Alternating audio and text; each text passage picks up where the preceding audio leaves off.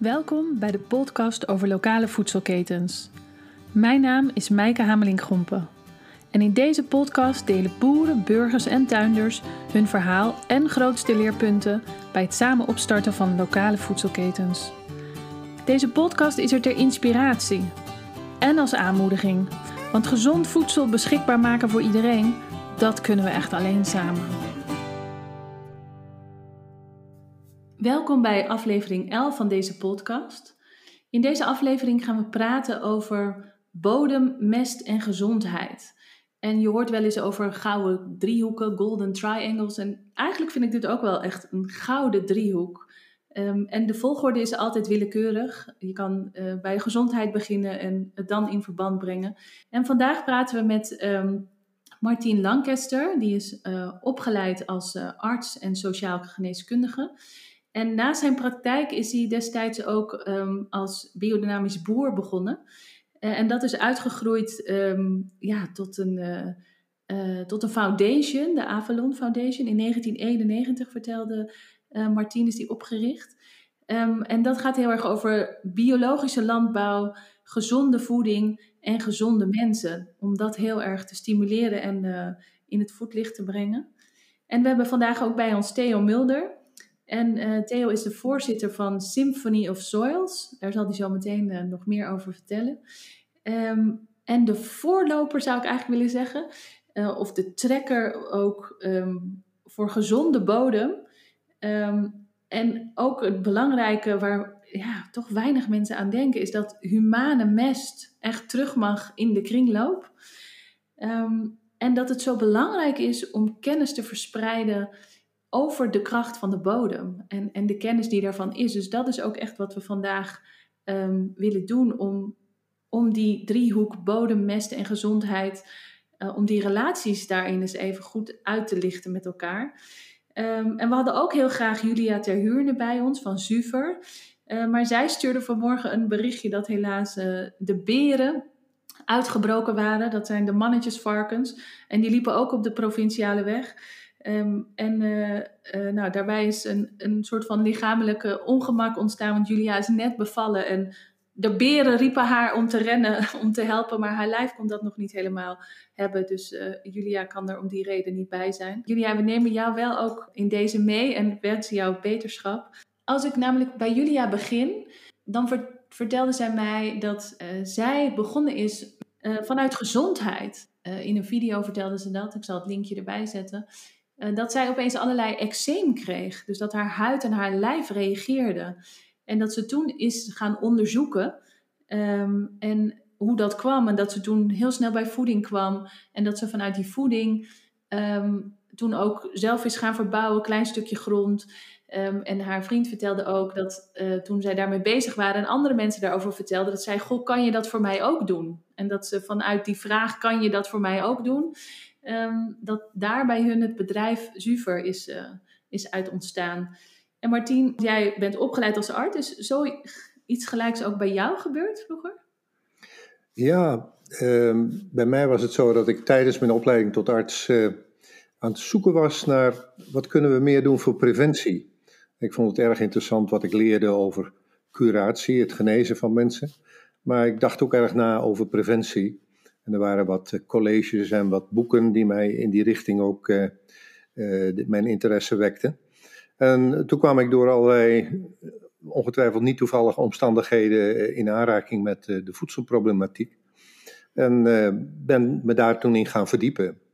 En nou, het is een beetje uit de hand gelopen, zeg ik altijd. Dat, dat is eigenlijk mijn leven geworden om Oh, ik, ben later een. Toen ik nog studeerde, een biologisch restaurant begonnen in Amsterdam met een groepje vrienden. Om daar wat meer over te leren. Dat vond iedereen wat vreemd dat ik als bijna dokter uh, in een keuken ging staan koken. Ik zei ja, maar dit is toch een van de belangrijkste fundamenten van onze gezondheid. Dus daar wil ik wat meer van weten. En uh, toen ik afgestudeerd was, ben ik een kleine praktijk in Friesland begonnen. Waar ik voedingsadviezen gaf. En een jaar later kon ik uh, wat land uh, rond de oude boerderij waar ik woon verwerven. En toen ben ik zelf ook boer geworden, ja, naast mijn praktijk tegelijkertijd. En omdat ik vond dat dat de bodem en het voedsel zo'n belangrijk onderdeel van onze gezondheid zijn, dat, dat ik daar wat meer mee wilde doen, zeg maar. Dus vanuit de gezondheid, ehm, ja, de gezondheid gaat natuurlijk veel over wat, zeg maar, wat stop je in je lijf, wat stop je in je mond. En, en dat was dus voor jou als preventie. En toen kwam je erachter dat misschien wat we in ons mond stoppen of wat beschikbaar is qua voedsel niet zo erg bijdroeg aan gezondheid. Of dat daar nog een wereld in te winnen was. Dat klopt. En, hè, ik ging me toen verdiepen in uh, vegetarisme, macrobiotiek, biologische voeding en landbouw. En uh, nou, dat uh, wekte mijn interesse. Ik ben het allemaal zelf gaan uitproberen ook. En ehm, steeds meer ook de, toen ik dat restaurant had in Amsterdam, kwamen de toen nog heel weinige biologische tuinders naar hun groente een paar keer per week brengen. Dus daar ging ik mee in gesprek.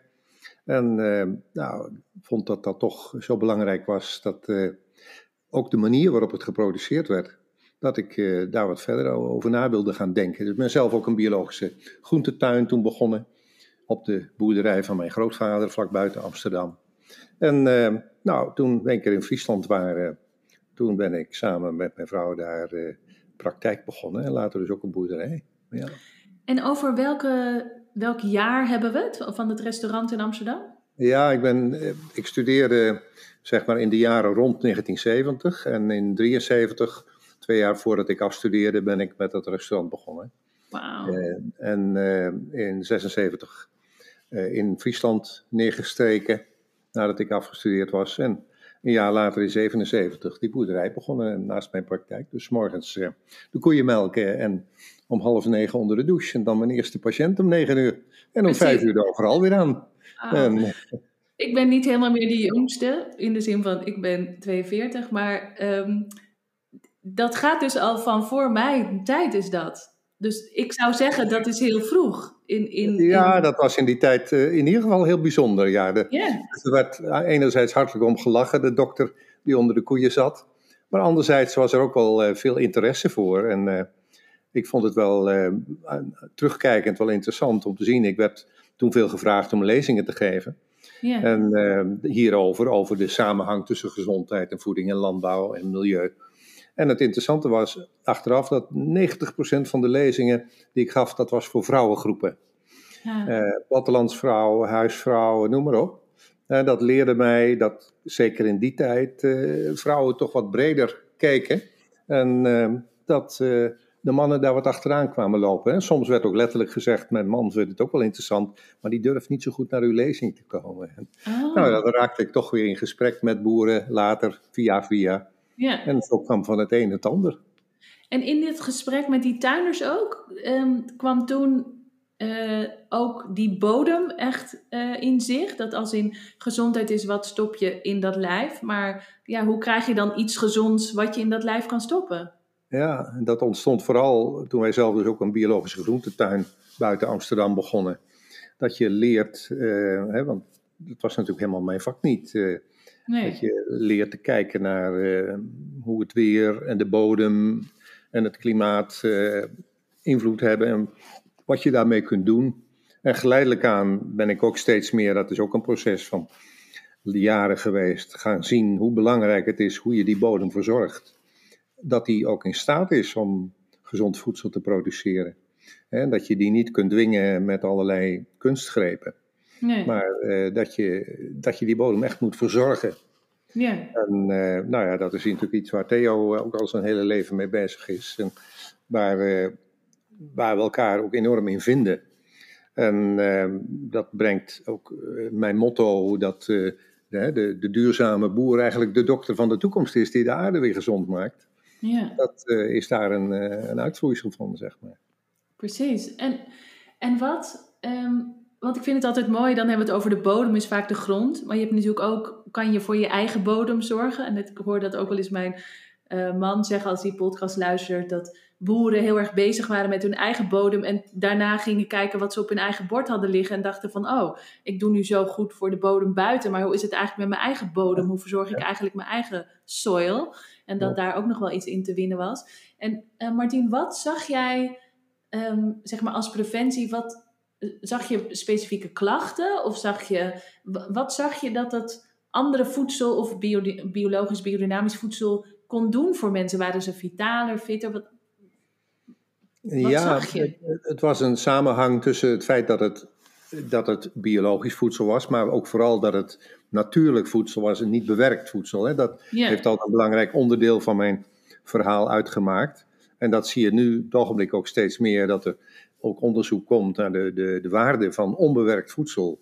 Eh, bijvoorbeeld bij het eh, tegengaan van uh, obesitas en hart- en vaatziekten. Dat blijkt uit onderzoeken dat bij mensen die minder bewerkt voedsel eten, dat die, dat die minder vatbaar zijn of dat daar minder van dat soort klachten voorkomen.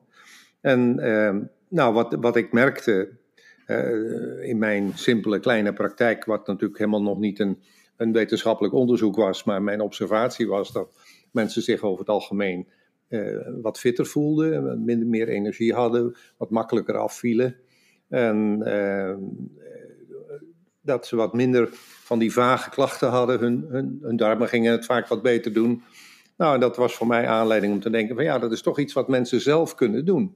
Ja, dus je algehele systeem wordt een soort van ook zuiverder, waardoor dat weerbaarder is of beter nou, ja, zoiets. Dat gevoel had ik erbij. Ja, dat was een soort intuïtief gevoel. En geleidelijk zie je in de loop van de jaren dat er uh, ook meer onderzoek komt naar dat, dit soort voedingsgewoonten. En dat dat ook uh, het wetenschappelijk bewijs inmiddels wel dat soort ideeën ondersteunt. Hè, dat, uh, dat dat beter is voor de mens om allerlei redenen. Ja. Hè, dus, en dat, nou, dat helpt, zeg maar. Ja. ja. Ja, want dat is zeg maar ook waarom ik hier zit, um, als het over bodem gaat. Uh, uh, ja, dat is dat, dat wij met ons gezin ook nu stappen aan het maken zijn um, van een huis in een nieuwbouwwijk naar een tiny house in een voedselbos.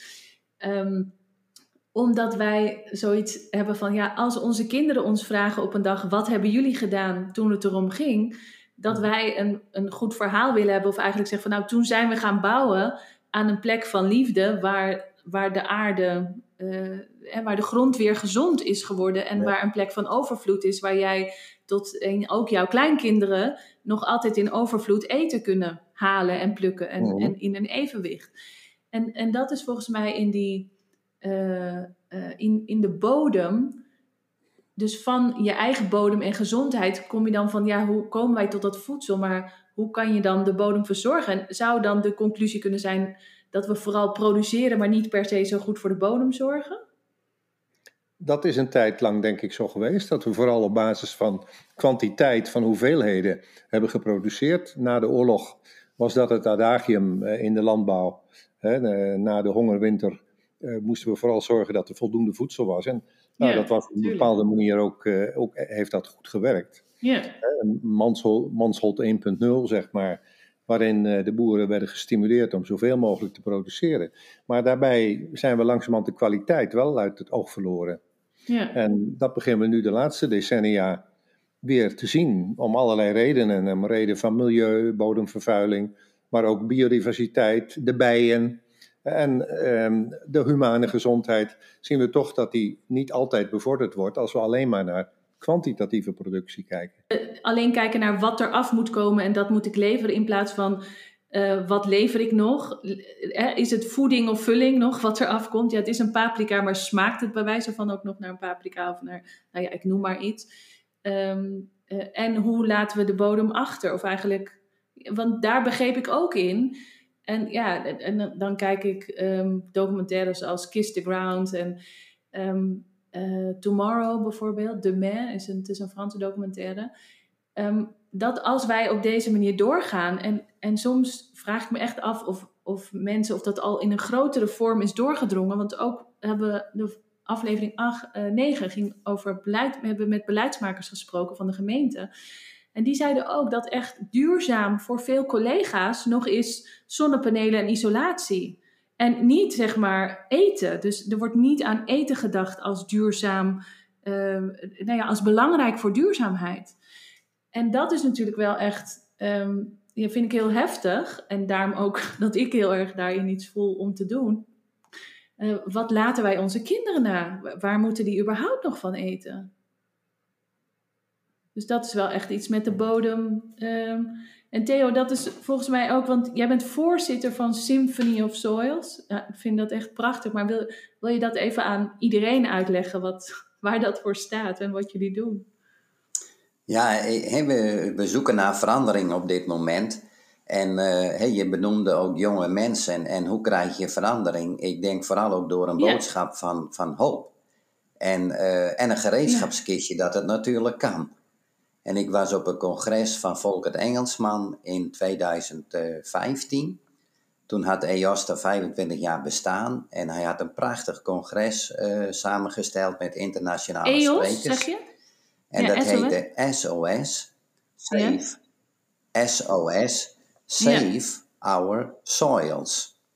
Maar toen was net bekend geworden, Leeuwarden werd culturele hoofdstad. En ik denk, wat is nu een hele hoge cultuurvorm? Dat is toch uh, voedsel produceren. Want als er geen eten is, ja, ga je dan dansen en muziek maken Mm. en, en noem alles maar op. Dus voor mij, uh, en dat vind ik een heel mooi woord, agriculture, agricultuur.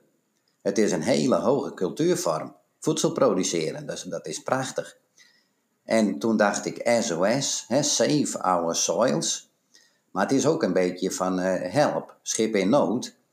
En uh, ik, toen dacht ik, hey, Symphony of Soils, muziek uit de bodem. Ja. Het is een symfonie. En een symfonie, zeg maar, hoe, hoe bedoel je een symfonie? Ja, in een symfonie werkt, werkt alles met elkaar samen. Ja. En als je de goede toon hebt, zeg maar, ja, dan, dan, dan vermeerdert dat, dat wordt alleen maar mooier. Ja. En voor mij is dan de boer, zeg maar, de dirigent van het orkest. En, en, uh, maar ook, ook de burger. He, alles is met elkaar verbonden. Dat kun je niet los van elkaar zien. Nee. En als je dat doorhebt, en ja, ik vind op dit moment, er zijn ook steeds meer boeren die dat oppakken. En die boeren die dat echt oppakken, die hebben er ook meer plezier in op dit moment. En uh, er, komt heel wat op ons af. Maar uh, we hebben ook mensen erbij die hebben weer pretoogjes. En dat is, uh, dat is belangrijk, denk ik. Oh, mooi. Dus we zijn op dit moment lijkt een deel van het probleem, maar we zijn ook een deel van de oplossing. Ja. En, en dan krijg je verandering. En, en hoe zie jij de, de, de pretoogjes? Uh, zeg maar, wat gebeurt er waardoor je de pretoogjes dan weer terugziet? Wat zie je voor verandering waardoor mensen ja. de, de lol weer terugkrijgen en het vuur weer aangaat? Die mensen die zijn heel, he, daar begint het uh, mee, die zijn weer heel bewust met hun bodems bezig. Die proberen om met minder uh, meststoffen, dus minder uh, kunstmestproductie overeind te houden.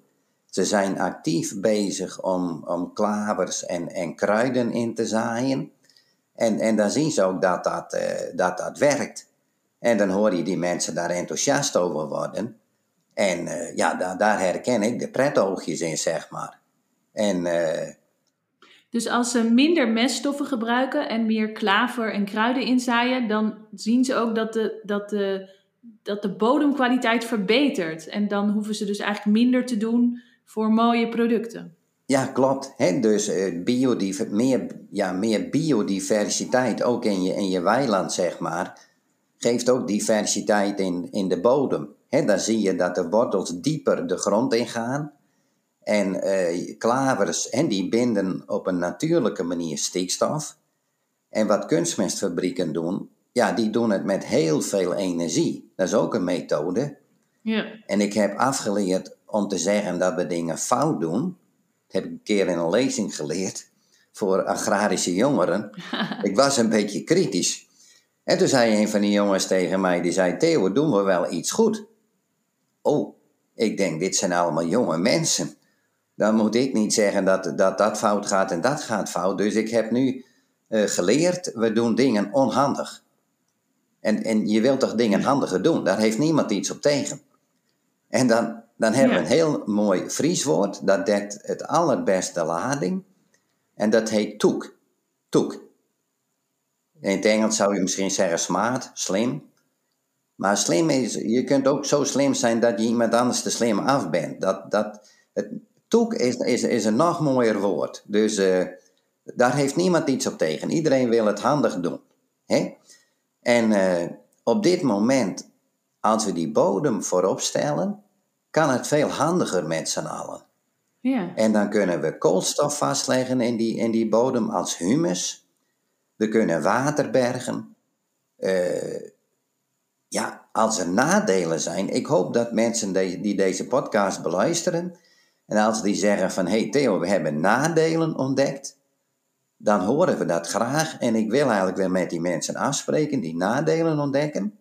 Dan breng ik daar persoonlijk een worteltaart. En dan zitten jullie in de jury om dat te beoordelen. Want ja, root cause, hè, we moeten bij het begin beginnen, bij de wortel. En dat Ja. is de bodem en, en, en, en de poep en de pis en alles is met elkaar verbonden. En, en als we dat zien, en dat is niet zo moeilijk, als je dat begrijpt, ja, dan krijg je denk ik als burger ook wel weer prettoogjes. Maar eh, Theo, ehm, daar wil ik ook heel graag even naartoe over die humane mest. Ik vind dat, eh, zeg maar, dat praat prettig, want het gaat natuurlijk eigenlijk over poep en plas. Ik had het daar nog even over in de aanloop naar deze podcast. Toen werd ik mij bewust, met een buurvrouw, werd ik me er bewust van dat eigenlijk vanuit de middeleeuwen misschien eh, zelfs, maar ook als je nu kijkt naar ontwikkelingslanden, Ehm, dat er dan heel vaak wordt gezegd van we moeten daar wc's neerzetten. Sanitair is zo belangrijk. En, eh, en ook in de middeleeuwen, toen we de wc kregen en toen we onze handen gingen wassen, nou toen ging het echt omhoog met de gezondheid. Dus onze uitwerpselen, onze humane mest, is natuurlijk ook in een hoekje gekomen in mijn beleving van dat is smerig. En, en dat moet weg. Dat moet een riool. Of dat moet je vooral goed doorspoelen met water. Weg ermee en, en handen wassen. Want daar zitten gevaarlijke bacteriën in. Ehm, en, en dat is natuurlijk om uit dat hoekje te komen. Zometeen in ons tiny house hebben wij een droog toilet. Dat betekent dus dat je urine en je ontlasting gescheiden wordt voor de mensen die het niet kennen. Maar dat je dus ook niet meer met water doorspoelt. En dat die, ja, de, de ontlasting droogt op. En die gaat dan dus ook in de compostton. En ja, ik moet zeggen, dat voelt ook nog een beetje raar. Maar, maar kan jij iets vertellen over die humane mest? Van hoe is die voor jou, die afslag gegaan? En hoe krijgen we die weer terug vooral? Want ik denk dan van, oké, als ik... Wij wonen zo meteen, zijn in de verhuizing naar Gelderland, de Betuwe-streek. Dat ik denk, oké, ik ga een boer zoeken van... Ja, onze mest is zuiver. In de zin van, heel veel boeren zeggen... Ja, ik wil de mest van de... De ontlasting van mensen tegenwoordig wil ik niet eens terug op mijn land. Dus dat is natuurlijk ook een belangrijke in die golden triangle van bodem, mest, gezondheid. Hoe kan dat? Ehm, maar wil jij dan onze mest hebben? Uh, onze menselijke uitwerpselen? Of hoe, hoe gaat dat dan? Hoe, waarom moet die terug? Nou, goede landbouw Want volgens is... mij is hij al zo lang weg. Ja, klopt. Goede landbouw is voor mij uh, heel sterk gebaseerd op wederkerigheid. Vind ik prachtig mooi woord. Wederkerig. Ja. Dus wat wij zelf produceren, keert niet weder naar die landbouw. En dat is op de lange duur niet volhoudbaar. Wereldwijd. Ik beredeneer vanuit wereldwijd Ja. hoor. En uh, ik heb vijf jaar terug een keer Tour de Poep georganiseerd. En toen heb ik twaalf mensen gebeld met het voorstel: willen jullie zondag over een week op een emmer poepen en pissen? En van die twaalf hebben negen gezegd: daar doen we aan mee. Maar die kennen ons allemaal, want als een vreemde je belt met dit voorstel, nou dan wens ik je veel succes. Ja. En toen hebben we onderzocht, we produceren zelf uh, inhoudstoffen in die mest. En dat is onder andere 30 miljoen kilo fosfaat, hè, wat nu voor een groot deel verloren gaat. En ik ben vooral heel erg uh, getriggerd door fosfaat. Want wij halen fosfaat. In onze ontlasting zit fosfaat. Ja, een groot deel van onze ontlasting van de poep. Daar oh, in de urine. Er zit fosfaat. En in de urine, daar zit vooral de stikstof. Maar in de, in de vaste fractie, zeg maar, daar ja. zit de fosfaat. En wij halen op dit moment wereldwijd, want in de westelijke Sahara, daar zit de grootste fosfaat mee van de wereld, Bokra. En dat is een spanningsgebied, he, dat, de westelijke Sahara. Dus wij zijn afhankelijk wereldwijd dat het daar vrede blijft. Nou, we zien nu in de Oekraïne wat er gebeurt. En daar halen we kali vandaan. Dat is ook een onderdeel van de bemesting. En dat kun je googlen, dat zou ik mensen uh, aanraden. Een van onze jongens werkt in Nieuw-Zeeland en die maakte mij daar attent op. Nieuw-Zeeland heeft een boot gekocht met fosfaat, maar die heeft een half jaar aan de ketting gelegen in Zuid-Afrika, want het was niet duidelijk waar het geld naartoe moest, de westelijke Sahara of Marokko. Dus Marokko beurt nu geld en die fosfaatmijnen liggen op het grondgebied van de westelijke Sahara. Dat zou hetzelfde zijn als het gas. En waar gaan ze die fosfaat voor gebruiken? Fosfaat is heel belangrijk, want wij willen graag eiwit produceren hè, voor onze eigen voeding. Ook als je uh, helemaal plantaardig, uh, je hebt fosfaat nodig voor eiwit. Een vijftigste partje van eiwit is fosfaat. Dus zonder fosfaat in de bodem kun je geen eiwit produceren. En wat is nu het grote manco? Zuid-Amerika, daar halen we eiwit vandaan in West-Europa, soja. En uh, Zuid-Amerika heeft van zijn eigen eigenlijk geen fosfaat. En zelfs Amerika die heeft fosfaat in Florida, maar die varen strategisch op dit moment op Marokko om daar ook fosfaat vandaan te halen en hun eigen te sparen. En waar is honger? In Afrika. En wij halen ingrediënten uit Afrika vandaan als westerse samenleving. Dat is onhandig. En hoe is dat gekomen dat we op verkeerde spoor zitten? uh, Justus van Liebig, mhm. dat is de grondlegger van de kunstmest, zeg maar. En dat was een hele vreemde mhm. vogel. Die was 14, toen is hij van school gestuurd. 18 jaar, toen werkte hij in een apotheek. En toen had hij een bommetje gemaakt. Maar dat wist hij niet. Proefondervindelijk, maar een explosie. Hij is twee maanden doof geweest. En 21, en dan zijn we in 1820, 1830 ongeveer, in die tijd. Toen, op 21-jarige leeftijd, was hij professor, hoogleraar. Dus ik ken niemand, 14 jaar voor school gestuurd, 21 jaar professor. Nu was hij toen iets eerder professor dan nu. En moet je je voorstellen, hij is uitgenodigd in Londen. En toen hadden we de Great Stink. En toen stroomde de Thames niet goed door Londen was droog. Hmm. En dat was een openbare ja. Dus dat stonk allemachtig. Mm En toen zaten ze, de Engelsen, met pruiken op te vergaderen in de parliament buildings in de zomer. Dus dat was een beetje zweten. Plus die grote stank erbij. En toen hadden ze van Von Liebig gehoord. Moet je je voorstellen dat Engelsen, die vragen een Duitser voor advies. Dat, dat hield nogal wat in. En toen zei Von Liebig, Jullie moeten die, pip, die poep en die pis van de mensen uit Londen, dat moet op vloeivelden naast de stad en dan brengen we terug naar de akker. Want als je nu whisky drinkt, rogge, bier drinkt, gerst of aardappels eet, alles komt van een akker. En dat was niet wederkerig.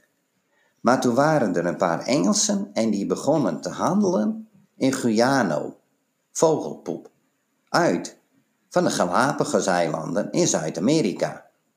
Dus wat ontstond er? Ze gingen met boten naar Zuid-Amerika, weer terug naar Engeland, voeren ze de Theems op met vogelpoep uit Zuid-Amerika en door de Theems stroomde de poep en de pis van de mensen de Noordzee in. Is dat wederkerig? En toen zeiden ze, die van Leeuwen die moet terug naar Duitsland, want dat is niet goed voor onze handel. En toen is hij uh, teruggestuurd naar Duitsland. Maar als hij toen een beetje succes had gehad, dan hadden we nu deze ja, shit waar we nu een beetje in zitten. Toen hadden we het op basis van wederkerigheid al opgelost. Maar goed, we kunnen niet terug. En uh, dat is even, uh, als je dus... Want dan gingen we dus als we toen die wederkerigheid hadden toegepast, dan hadden we toen de ontlasting en, uh, uit de Theems gehaald, of eigenlijk voordat het in de Theems ging. En die hadden we dan op ons, op het land in Engeland gedaan. En dan was die wederkerigheid dus in stand gebleven, of eigenlijk uh, had ze weggevonden. Absoluut, dat had ze weggevonden, maar niet alleen in Londen. In Londen dat was het voorbeeld van de wereld. Dan hadden we dat wereldwijd toegepast. En mijn, mijn, mijn gedachtegang over poep en pis is gedeeltelijk ook bepaald. Ik ben een keer in Noord-Korea geweest. Noord-Korea. Als je daar geweest bent, ben je alle dagen blij dat je in Nederland woont. Want hier gaat heel veel goed. Heel veel goed. Als daar het gras op is, ga je dood. En wat wordt daar gebruikt voor bemesting? Poep en pis van mensen. En dat deden wij 86 jaar terug, deden we dat ook. Was heel gewoon. Het tonnetje dat ging op de rabarber. Dan had je hele rijke rabarberoogst. Maar met die poep en pis van mensen wordt wel wat gedaan. Dat wordt met microbiologie, goede microben, wordt dat omgezet. net als met, met composteren en met fermenteren. We kunnen met microben, kunnen we... Ja, dus je gaat niet... Het gaat niet zo vers. Het niet je letterlijk, er zit een proces voor. Nee, precies. Precies, dat is heel belangrijk. Want stel, ik heb wormen, dat zou kunnen. een beetje onsmakelijk wat ik nu zeg hoor, maar en uh, het gaat op de sla bijvoorbeeld. Wormen in wormen, je darmen. Sorry, ja, ja wormen in de darmen. Ja. Dan gaan die wormheidjes gaan op de sla. En sla kook je niet. Dus dan gaat die besmetting door. En 4000 jaar terug, dat staat in het boek uh, van C.F. Koen, Kringlooplandbouw, beschrijft hij het proces van fermentatie in leem en potten. Dus toen hadden ze al een cultuur om op onze poep en pis te passen. En onze cultuur is nu weggooien, vernietigen. Nou, dat kan ook. Ja. Maar dat is op een lange duur heel onhandig. Dat houden we niet vol. Dus, nou ja, eh, dat brengt je op het punt waar we nu zijn. Precies. Niet zo toek. Niet zo toek. ja. En we gaan het dus handiger doen. En op dit moment, we hebben hier een Leeuwarden Wetses en er zit nog een bedrijf uh, ik, op dit moment gebeurt er heel veel, dus ik ben vrij optimistisch. Want Kennedy zei in 1963, we gaan naar de maan. Zes jaar later. En, en nu hebben we problemen met poep en pis en met mest en bodem. Nou, ik vind naar de maan gaan altijd nog moeilijker dan, dan dit oplossen. Maar de wil, de wil moet er zijn om het te doen. Precies, dat vind ik nou echt heel hoopvol. Dat jij zegt van hè, naar de maan, dat lijkt me een veel grotere uitdaging dan dat wij het vraagstuk van mest en humane uh, mest met elkaar oplossen. Dat, dat kan toch eigenlijk prima? Lijkt me wel. En dan gaan we, gaan we samenwerken met microbiologie. En als je dat doorhebt, en dat ik zei, die boer die krijgt pretoogjes. Als die burger dat doorkrijgt, dan krijgt hij volgens mij ook pretoogjes. En, en wat zou je dan, um, een soort van, wat is de eerste stap? Want uh, we wonen nou eenmaal in huizen dat onze ontlasting gaat gewoon door het riool. Dus hebben we geen uh, zuiveringsinstallaties meer nodig? Of moeten we allemaal aan het droogtoilet? Of hoe, hoe maken we die stap los van dat veel boeren, dat ik veel boeren altijd hoor zeggen, zoals de ontlasting nu is, en dat gaat dan weer over gezondheid en de hoeveelheid chemicaliën die we tot ons nemen uh, ook door medicijnen, maar volgens mij ook voedsel en ook door alle plastic uh, die we toch binnenkrijgen. Um, ja, waar begin je dan? Begin je dan eerst met het voedsel te zuiveren? Begin je met de bodem? Ga je ontlasting zeggen van... hé hey, boer, ik, heb, ik ken een boer hier in de buurt. Wil jij het hebben? Wat kan je doen? Ja, dus de, de eerste stap is denk ik... Uh, we kunnen alle dagen stemmen met ons geld. Hè? Dat is een heel machtig wapen. Dus als je eh, biologisch voedsel gaat kopen, daar zitten minder uh, bestrijdingsmiddelen in. En dat is, schoner, zuiverder. Dus dat is minder shit. Minder shit in de shit, zo gezegd. ja, dus, dus dan wordt je chemicaliën. Wordt ja. ja. En je zou ook met, met, met schoonmaken, je kunt hele desinfecterende middelen gebruiken, maar je zou, dat klinkt vreemd, maar je kunt zelfs met goede microben schoonmaken. Waar, waar goede microben zitten, zitten geen ziekteverwekkers. Dat is, het, uh, dat is microbiële competitie. En wij, wij mensen, wij zijn hele vreemde wezens. Ik zie mensen wel eens heel eh, zorgvuldig bij een tankstation of bij het binnengaan van een kerk of een, gebouw.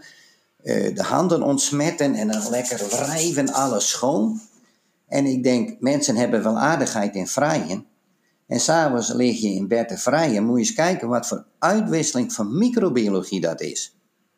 Dat wil je echt niet weten. Vinden mensen toch prachtig? Dus wij zijn heel dubbel in ons denken op dat vlak. Ja. En misschien die verbinding dus daar ook wel mee kwijtgeraakt. Ja, die, die, verbinding zijn we helemaal uh, kwijtgeraakt. En dat, ik, ik vind op heel veel plekken komt dat snel terug hoor. Van, van, uh, wij, wij zijn nu Paken en Beppen. Hè, en ons eerste kleinkind is geboren met, met de keizersnee. En een baby komt dan eigenlijk steriel ter wereld. Ja. En we hadden in 2008 het congres, wordt de boer, de dokter van de toekomst, met professor Smalhout als spreker en professor Huub Savelkoel. En die professor Huub Savelkoel, die heeft de hygiënehypothese. En hij vertelde toen boerenkinderen hebben minder last van allergieën. Want die hebben al een keer in de mest gezeten en in, in, in de sloot gezeten. En die zijn in contact geweest met allerlei microben. En, en ziekteverwekkers ook wel. Maar dat heeft hen niet, niet, niet zwakker gemaakt. Dat heeft ze alleen maar sterker gemaakt. En met de geboortes van, via de keizersnee. Ja, dat, ik, ik denk over, uh, ik weet het niet, ik hang er geen tijd aan, maar dan zouden we ze gelijk blijven door de yoghurt kunnen halen, door de melkzuurbacteriën, of door de karnemelk, bij wijze van spreken dan, dan je gelijk goede microben op, op, op, op een baby. En anders gaat het via de natuurlijke geboorteweg. Dus Precies, de geboorteweg, daar is, natuurlijk, krijg je allerlei uh, microben uh, van de moeder mee. En als je dus niet dat geboortekanaal volgt, dan mis je dus heel veel van die natuurlijke weerstand of, of die basis die je van je moeder meekrijgt. Dat is wat je zegt, toch? Precies, dan ben je vertopt dat ja. al bedekt met goede microben. Ja. En zodra je de, de, de, de speen van de borst uh, in je, aanlegt, daar zitten ook al microben. En die gaan via de, de, de mond en de, en de, en de maag uh, de buik in. En dus ja. uh, je had het over die triangle, maar ik zou het eigenlijk in een kwadraat noemen. Het is ook de buik. En daar had je het met Martien ook al even over. Het, het is de buik, de bodem, de boer en de burger. Met, met z'n vieren. Uh, jij noemt dat nog even zo terloops van als, je, als een kind borstvoeding krijgt of aan de, aan de borst drinkt. En daar zelf heb ik ook over geleerd wat ik heel bijzonder vond. Is dat dus ook um, uh, moeder en kind, uh, dat de, de voeding, dat er allemaal sensoren in je, in je tepel zitten als, van de mens, maar zal ook bij de dieren zijn. En dat um, een kind daarmee dus precies krijgt wat hij op dat moment nodig heeft. Dat dat zo op elkaar afgestemd is. Dat is dus echt hogere symfonie in alle opzichten. Uh, die samenwerking. En, en dat is ook waar, waar Julia van uh, Zuver um, heel erg mee bezig is. In de zin van um, uh, dat zij haar, haar dieren ook als, als werknemers ziet, zeg maar. Of, uh, van ja, hoe kan je die een zo fijn mogelijke grond geven om, om in te werken, om in te zijn, uh, om met elkaar in te zijn en waar ga je zo goed mogelijk op? Dus dat zijn natuurlijk, ik hoor wel eens dat, uh, je zijn allemaal dingen waar ik me als consument ook echt niet bewust van was. Dat als je kalfjes bijvoorbeeld um, los van de koel gehaald worden, wat in heel veel gevallen zo is Um, en dat ze zelfs melkpoeder krijgen. Dus dat ze de eerste melk niet van hun moeder krijgen. En soms wordt die dan wel ge, gemolken en dan aan het kalfje gegeven. Maar wat voor belang in ontwikkeling en microben en, en um, ja, mogelijkheid om, om een. Um, ja, ik noem soms wel eens ruimteschip, zeg maar, ons, ons lijf, om een goed werkend gestel te hebben. Uh, en, en dat daar dus ook zo belangrijk bij is dat dat klopt. Dus dat je als kalfje um, bij je moeder kan zijn, maar ook de melk van je moeder kan drinken, omdat die echt op jou afgestemd is. En dat zelfs dat dus ook in, in groentetuinen is, als je dus um, in het hele microbische en echt, echt hogere symfonie gaat kijken, dat als jij zelf goede mest kan uh, produceren, zeg maar humane mest, die je, hè, dat microbenproces door laat gaan en in je tuin doet, dat jouw tuin dan zich serieus kan afstemmen op de boodschap die, die jij naar buiten brengt. Dus dat er echt een verband staat tussen uh, hoe het met jou is en wat de groente ook weer kan, kan opleveren of aan jou doorgeeft. Ja, en dan krijg ik wel echt pret oogjes, maar ook een, een ja, bizarre verwondering dat ik denk, wauw, dit gaat echt, net zoals over schimmels of paddenstoelen, dit gaat zo ver hoe alles met elkaar verbonden is. En stel je eens voor, als dat allemaal maximaal elkaar mag helpen, ja, dan, dan is de boer of eigenlijk de tuin uh, echt de, de dokter van de toekomst, absoluut. En, en dan kan je je voorstellen wat Martien met zijn restaurant al zo lang geleden, het was ik nog niet eens geboren, begon. Dan wat voor samenwerking en spel daar dan gaat plaatsvinden. Dat vind ik wel echt uh, ongekend om dat te beseffen. Ja, en dat is ook weer hoopvol hoor, want Martien en ik, we kennen elkaar al veel langer. En ze zeggen ook wel eens tegen ons, worden jullie daar niet moe van? Nou, dus niet.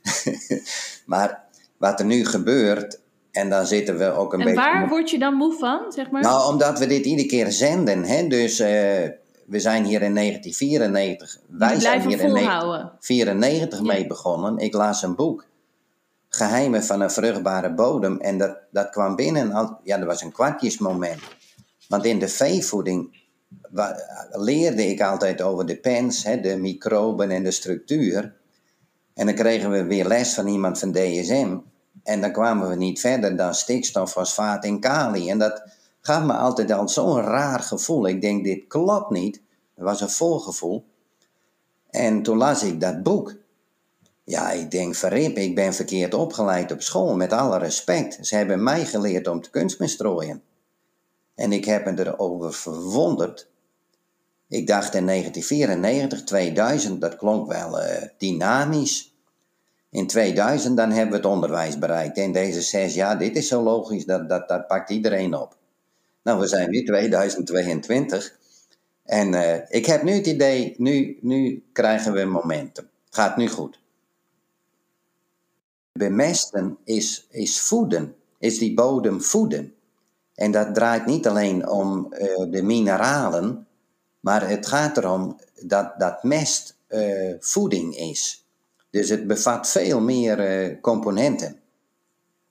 En het mooiste is dat we humus opbouwen in die bodem. En humus, uh, ja, dat is een beetje een, een black box, zeg maar. Maar dat, is, dat bouwt aan bodemvruchtbaarheid. En dat vind ik ook zo mooi. Wij zijn human beings. Humus dat ligt heel dicht bij elkaar. Dus als je dat door hebt, wij zijn eigenlijk uh, ja, met de aarde verbonden. Herman Wijfels noemt onze aardlingen. Aardlingen. Wij, wij zijn verbonden met die, met die aarde. En, en dan kom je weer bij het woord humus, human beings. He, dus uh, ja, en ik denk als we dat doorkrijgen, en dat krijgen we steeds beter door, dat is, uh, dat is win-win. Uh, Theo en Martien, Theo zegt van ja, als we dat doorkrijgen en ik rijd dan wel eens op de A1 en dan bij Naarden ergens zie ik daar een groot bord in het weiland staat en daar staat help. Er staat heel groot help. En ik vind dat heel, heel heftig en heel duidelijk en ook heel ongrijpbaar in de zin van ik, ik snap dat de boeren in een lastig pakket zitten. En tegelijkertijd vind ik het niet van de boeren, zeg maar, want het is van ons allemaal. Dus als ik dan zo'n groot help daar zie staan, wat, wat vanuit een hart van een boer zal komen, dan denk ik, oh, vraag ik me werkelijk af, hoe kan ik jou helpen? Zeg maar, hoe, wat is de hulp in dat opzicht? Want daarin ook was ik wel eens bij een caring farmer uh, bijeenkomst. En er was ook zo dat daar een boer die had 50 hectare. Nou, ik moet er niet aan denken dat ik 50 hectare moet bewerken. Um, en van die 50 hectare ging 80% van de opbrengst ging naar Duitsland. En dus als er dan zo help staat in het veld, dan vraag ik me af: oké, boer, zeg maar, kan ik land van je kopen? Helpt dat? Heb je dan minder kosten? Hoef je minder bepaalde dingen? Zeg maar, wat zou je helpen? Ehm, zal ik je producten kopen, maar je hebt misschien 30.000 kolen en ik vind twee of drie wel genoeg? Weet je, hoe moeten we zorgen dat jij al je koeien kan houden? Zeg maar, waar voel jij je geholpen in dat jouw misschien geboortegrond voor je kinderen door kan gaan? Wat, wat helpt nou in dat opzicht een boer? En is het volgens mij dus ook niet één ding? Want ook Theo in een gesprek met jou naar voren kwam van... Ja, als je 50 hectare hebt, of nog wel meer, natuurlijk in die schaalvergroting... Um, dat toch eigenlijk ook een boer dat ook niet makkelijk, ik moet zeggen, afstaat of teruggeeft. Omdat jij vertelde um, over de grond en onderhoud. Zeg maar, waarom vinden boeren veel land fijn?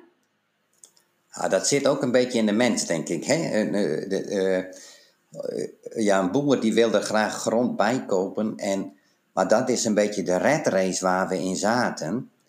Als je geen waarde kunt toevoegen, en we konden geen waarde toevoegen, om uit de kosten gaan door. Dus die boer, die kon maar één ding doen, dat was schaal vergroten, de kosten verdunnen. En wij zitten nu heel, echt op de grens. Ik ben de helft van mijn tijd de boer op. En ik heb ontzettend veel respect voor boeren, want dat is, dat is bijna 24-7 en dat hou je niet vol. Die jongens die zitten op dit moment, je noemde het al 50 hectare. Maar er zijn er ook boeren bij die hebben 120 of, of, en er zijn er bij die hebben 100 koeien en er zijn bij met 300. Uh, eh, die jongens zitten allemaal hartstikke vol. En dan heeft goedkoop voedsel een hele hoge prijs. En ons voedsel is de laatste 60, 70 jaar altijd, de melkprijs is nu wat hoger, maar die staat iedere keer om de 30, 35 cent. Dan is er maar één manier, dat is meer koeien melken. Want anders red je het heel moeilijk. En we gaan nu gelukkig inzien, die boer die produceert niet alleen eten, maar die produceert ook landschap. Die produceert waterberging. Die kan bodems bouwen met humus. En dan wilde ik de luisteraars van de podcast nog graag uh, uh, oproepen. Want humus is heel abstract. Maar als je je kunt. Iedereen heeft wel een sponsje thuis. Die kun je even wegen, die weegt 20 gram mm -hmm. ongeveer. En dan laat je hem vol water lopen. Dan is hij zes keer zo zwaar. Moet je eens kunnen voorstellen dat we Nederland bouwen als een spons. En wat heb je dan nodig? Groenbemesters, goede mest, minder kunstmest, want kunstmest benadeelt die sponswerking. Die zorgt ervoor dat je minder bodemleven en schimmels krijgt. Dus, we, en ik heb wel vertrouwen in die Nederlandse boer, want die was heel gedreven in hoogste productie. Dat hebben we laten zien hoogste productie. Mhm. Maar die gedrevenheid, als die gaat zitten in hoogste efficiëntie en beter, ja, dan, dan, dan ben ik weer met die, bij die boer met de pretoogjes. Wat is daarop tegen? En Martien heeft er uh, zeker uh, gedachten over. Ik denk dat Theo groot gelijk heeft. Dit is, dit is, de essentie, dit is de essentie van het verhaal. Als je dat bord help langs de weg ziet staan, dan is dat een boer die eh, nog niet weet hoe die die omschakeling moet maken. Die eigenlijk door ons langzamerhand gevraagd wordt door de maatschappij.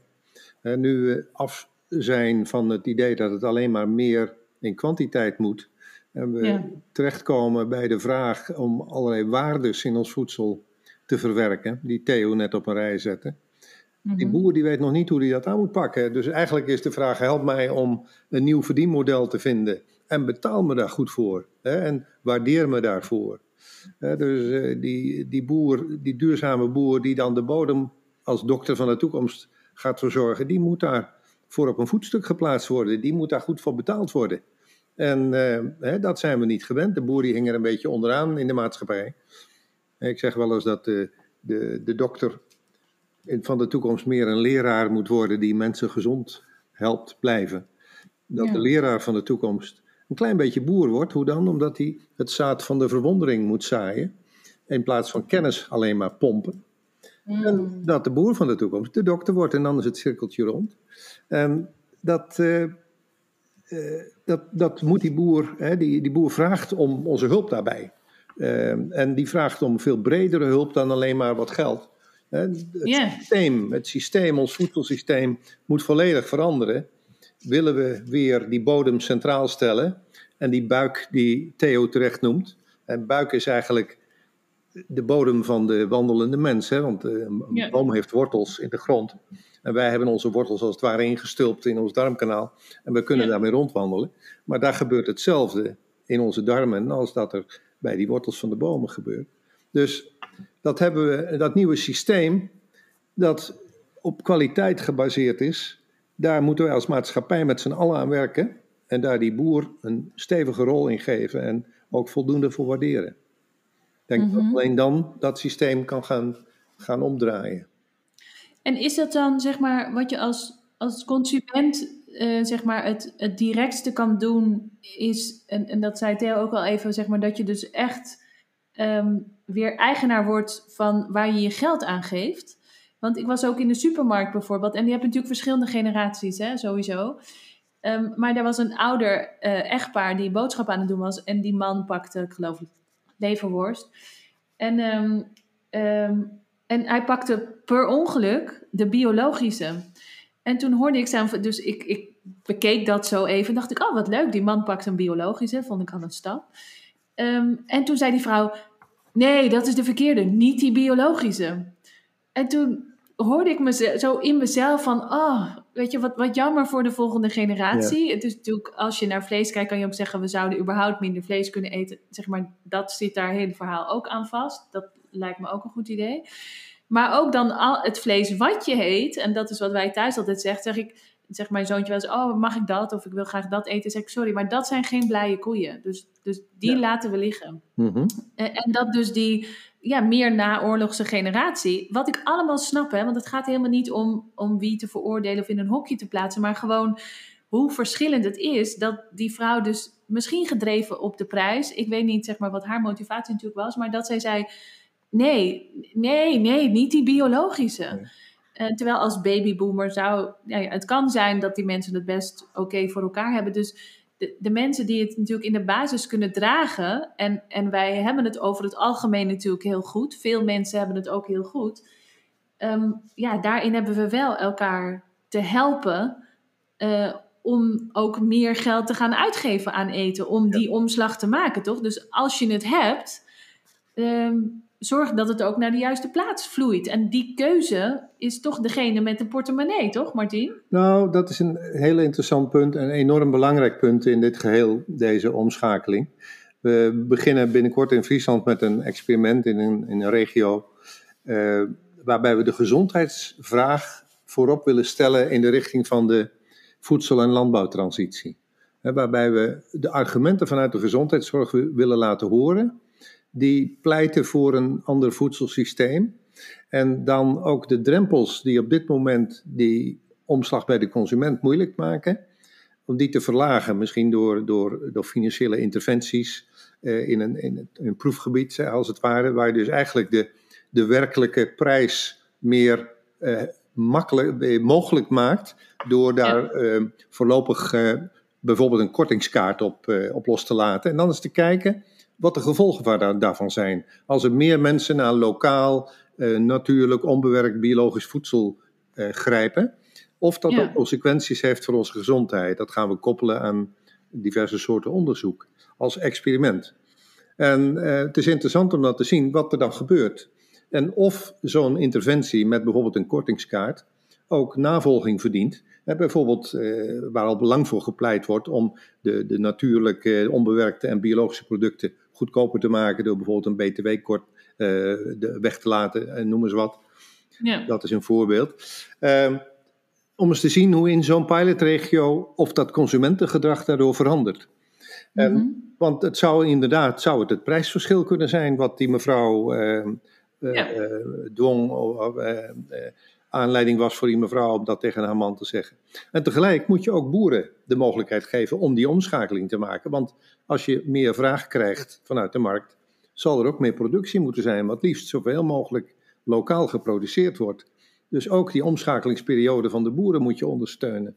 En, en de kennis en de, de inspiratie van die boeren moet je ondersteunen om deze kant op te gaan.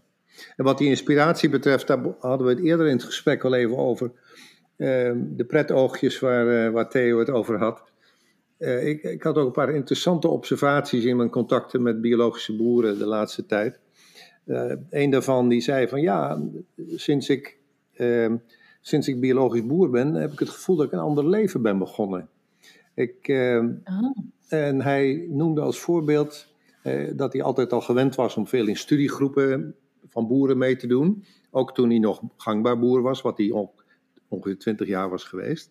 Hij zei in de studiegroepen met biologische boeren, daar wordt veel positiever en opener eh, gewerkt. Je, je, hebt het idee dat je dan samen aan een wat groter doel werkt met elkaar. Dan ben je ook veel minder benauwd om je, je cijfers te laten zien, bijvoorbeeld, en het achterste van je tong te laten zien, omdat je toch met elkaar, al of niet fouten makend, eh, aan iets nieuws en aan iets goed bezig bent, waar de wereld ook om vraagt op het ogenblik. En ik denk dat dat een probleem is van de meeste boeren op dit moment. Die hebben het gevoel dat ze alleen maar onderdrukt worden door allerlei regels en niet meer een, een, positieve kant van hun, hun werk zien. En ik denk dat we daar als maatschappij breed naar moeten kijken. Hoe kunnen we hè, dat verdienmodel waar we het net over hadden en het, het, de positieve insteek, die, de positieve kracht die boeren hebben door uh, op onze bodem te verbeteren. Hoe kunnen we die meer waarderen en ook aan de boer laten zien dat we dat heel belangrijk vinden? Ja, ik vind het ook wel eens verdrietig om te horen, uh, zeg maar wat, wat jij zegt. We eigenlijk, volgens mij komt het uit een, uit een verdrietige kant. We hoeven niet medelijden te hebben, maar als in we mogen wel kijken naar, naar de barre omstandigheden waar de boeren zich de afgelopen tientallen jaren in hebben moeten manoeuvreren. Dat, dat vind ik wel dat dat ook, zeg maar, daar, daar hebben we allemaal aan bijgedragen op een bepaalde manier. En ook zonder dat we het wisten, een soort van die blinde vlekken. Dus dit volgens mij ook veel um, verdriet en, en overleving uh, bij boeren. Die als je dus niet voelt, als je al zo lang het water aan de lippen hebt en alleen maar door moest en, en om dat te verdunnen, om het vol te kunnen houden. Dat, het, dat je leven al zo lang bestaat uit het net vol te houden. Um, dat het dan ook moeilijk is om een soort van vertrouwen te krijgen en te vinden. Um, uh, dat het anders kan of dat, dat je geholpen wordt. En dat er dus voor je gezorgd wordt. Dat we gewoon ook als mensen onder elkaar voor iedereen mogen zorgen dat er genoeg is. En genoeg is voor iedereen, heeft dat een ander, uh, een, een, een ander gevoel. Um, maar het is natuurlijk ook zo dat, dat die vrouw wellicht in de supermarkt, die oudere dame, de, de, de, de biologische weg legt vanwege prijs. Dat zou kunnen, weten we niet. Maar om, om daar even van uit te gaan. Um, het is natuurlijk ook zo dat wij inmiddels zoveel geld aan, aan andere zaken besteden. Aan, aan huizen, aan, aan uh, alle, alle inrichtingen, aan auto's, aan al dat soort dingen die, die er vroeger niet waren. Dat je ook veel meer geld aan eten uitgaf. Dus, dus die, um, het is volgens mij ook heel moeilijk voor mensen om uh, uh, vanuit uh, ja, dus zeg maar, hè, de, de, ene komkommer kost 60 cent op het moment en de biologische komkommer kost 1,29, 1,45 op een moment. Dat je, zeg maar, in je, uh, in je systeem denk je, oh, kan het zijn, ik pak die goedkoopste. Dat is wat ik geleerd heb, zeg maar. Ik kom uit een gezin waarin um, uh, goedkoop uh, vanuit dat er niet zoveel geld was, dus belangrijk was. Dus geconditioneerd, zeg maar, ben ik, oh, die is goedkoper, die neem ik. Maar dat je dus bewust zegt, maar ik wil deze 1,45 ervoor betalen, want ik investeer dat in de toekomst. Ja. En dat is volgens mij een hele moeilijke stap. En ook om daarin je hele huishouden misschien wel om te gooien om daar echt opnieuw naar te kijken. Want als je zo'n hoge hypotheek hebt of nou ja, hè, andere zaken in je leven zoveel geld vragen, ja, dan is dat toch niet uh, op de voeding waar je dat als eerste bij stopt. Of dat je zegt van ik vind dat opeens voorrang, want ik wil toch graag op vakantie bijvoorbeeld. Ja. Dus dat is natuurlijk ook een grote verandering. Het hangt er vanaf hoeveel je daarover te weten komt en welke argumenten je hoort uh, over de kwaliteit van voeding. Hè, en ja. Daarom hadden we het net over die gezondheidsargumenten. Hè, dat bijvoorbeeld een, uh, hoogleraar Bas Bloem, de neuroloog, de Parkinson-deskundige uit Nijmegen, een aantal maanden geleden bij Jinek nog zei van nou, eigenlijk raad ik iedereen aan om zoveel mogelijk biologisch te eten. Gezien de, de onzekerheid die er is over de, de interactie van de resten bestrijdingsmiddelen die in ons voedsel zitten op ons zenuwstelsel. En de, mhm. de, de, invloed daarvan op ons zenuwstelsel. En dat is een voorbeeldje van als wij meer van dat soort informatie tot ons krijgen. En misschien tegelijkertijd de mogelijkheid hebben om eh, dat prijsverschil wat te verzachten door kortingen te geven of door overheidsmaatregelen, eh, fiscale maatregelen, op de BTW bijvoorbeeld. Ehm, als je dan dat, en, met die argumenten erbij, Theo noemde ze al, betere biodiversiteit, waterberging, eh, noem maar op. Als je dat aan elkaar koppelt, dan helpt dat misschien om die gedragsverandering teweeg te brengen. Maar ik ben het met je eens dat zo'n gedragsverandering een van de grootste uitdagingen is eh, in dit hele verhaal. Ja, ja in, in, zeg maar in noodzaak. En ik moet ook eerlijk, eerlijk zeggen, ik kom zo bij je Theo, dat, um, dat bij ons in, in, in mijn gezin, zeg maar met onze kinderen, en dan bedoel ik niet mijn ouderlijk gezin, maar het gezin wat ik zeg maar nu zelf heb met onze kinderen, dat onze kinderen en dan het besef van dit, dit zijn soort van volmaakte blanco blaadjes, wat ga je erin stoppen? Of, of dat dat voor ons het aanknopingspunt is geweest om onze hele eigen voedselketen en wat eten we en, en waar komt het dan vandaan? En ook het feit, er zijn zoveel dingen die je als consument niet weet en ook gewoon op basis van vertrouwen, ehm, wat eigenlijk zou mogen maar inmiddels in de tijd niet meer kan. Ik wist ook niet dat, dat op de ehm, dat, dat zeg maar de chemicaliën of de bestrijdingsmiddelen die gebruikt worden binnen de waardes soort van EU-normen vallen. Maar dat is per bestrijdingsmiddel. En of die boer er nou vijf of zes over gooit, dat is nooit met elkaar in verband gebracht. En die combinatie, daar hebben we geen waardes voor. En dat zijn dingen die, daar, daar schrik ik van. En, dat vind, en ik weet zeker dat heel veel mensen dat ook niet weten. En snap ik ook, weet ik ook nog niet zo lang. Maar dat vind ik heftig. Mhm. Dus weet je, je, je kan in deze tijd toch echt niet zomaar vertrouwen op dat wat er ligt, dat dat oké is. En ook daar ja, daar mag je dus echt een eigen keuze in hebben. En dat is volgens mij wel, Martien, gaat over jezelf informeren of ja. dat je in aanraking komt met die andere zienswijzes. Mm Klopt. Dat dat motivatie geeft of, of pretoogjes van, ja, en toch kies ik voor dit. Ja, bij, eh, bij boeren geeft dat op een andere manier werken pret, pretoogjes. En bij consumenten is het vaak een aha-erlevenis. Soms uh, gemotiveerd door eigen gezondheidsproblemen. Hè, dat ze zich wat meer erin gaan verdiepen. Maar vaak inderdaad ook bij mensen die net kinderen krijgen, die dan gaan nadenken van hé, hey, wat staat hun te wachten in de komende decennia? En, uh, en een vraag om meer informatie. En dat, dat is denk ik een begin uh, om te zorgen dat die informatie er is. En vooral die samenhang, hè, dat, waar Theo het eerder ook al over had. Dat, het, het hangt zo ongelooflijk met elkaar samen de bodem, het mestverhaal, eh, eh, onze voeding, wat we met die voeding doen, hoe we die bewerken of niet. En eh, vervolgens onze gezondheid. En wat er dan weer terugkomt vanuit ons lijf naar de bodem, nou, dat is een enorme kringloop eh, waar wij eh, op diverse manieren in ingebroken hebben, zeg maar, in die kringloop. En mhm. dat, eh, dat moeten we leren om dat weer te herstellen. Ja, precies. En Theo, daarvan zei je ook van, ehm, want dat vind ik ook mooi, je kan best wel overweldigd zijn. Dat je denkt van ja, hoe dan en wat dan? Oh, het is zoveel en zo groot, waar begin ik dan?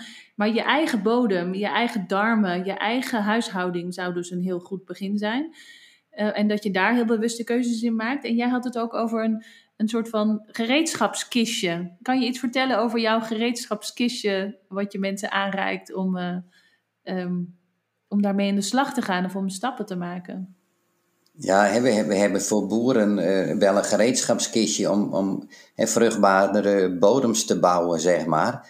He, dus uh, dat is uh, groen bemest, dus goede mest maken, wat minder intensief. He, dus dat is landbouwkundig, zeg maar. Maar, ja, oh, de, de, gereedschapskist is voor boeren met name. Dat is een gereedschapskistje voor boeren, maar ik, ik zou dat gereedschapskistje kistje ook wel bij de maatschappij neer willen leggen. Van, uh, je benoemde net even de komkommers, hè, de, de prijsverschil. En dan zijn we Ja. op microniveau bij onszelf als gezin. En dan snap ik heel best dat je denkt, hé hey, dat is wel duurder. Dat, dat is absoluut, dat begrijp ik gelijk. Maar nu het gereedschapskistje, en het was gisteren Prinsjesdag, kunnen we op dit moment collectief wel rekenen. En dan vind ik dat we op dit moment collectief niet kunnen rekenen. We gaan door de 125 miljard zorgkosten. En dat zegt mensen niks. Ja, veel geld. Maar wat ik nu zeg is een hele makkelijke rekensom. Dat delen we even door de inwoners. En dan kom je op dik 7000 euro zorgkosten per persoon. Dus man, vrouw, twee kinderen, gemiddeld gezin, is 28.000 euro per gezin. Dan, toen ik die berekening maakte, ik denk, allemachtig. En ik vind het ook nog acceptabel als alles beter wordt. Ik, ik wil wel investeren, maar dan hoop ik dat het beter wordt. Maar, en dat komt nu uit het onderzoek van Lifelines, want we worden nu ondersteund met data. Lifelines is een heel groot onderzoek in het noorden van Nederland. En wat blijkt? Bijvoorbeeld 130 kilo lichaamsgewicht ondervoed. Mhm. Maar als je je voedt met koolhydraten, hè, met pizza's en cola en, en chips, ja, dan ga je groeien. Maar wat blijkt nu uit de data? Te weinig vitamine en spoorelementen, te weinig goede eiwitten. Dat komt uit de data.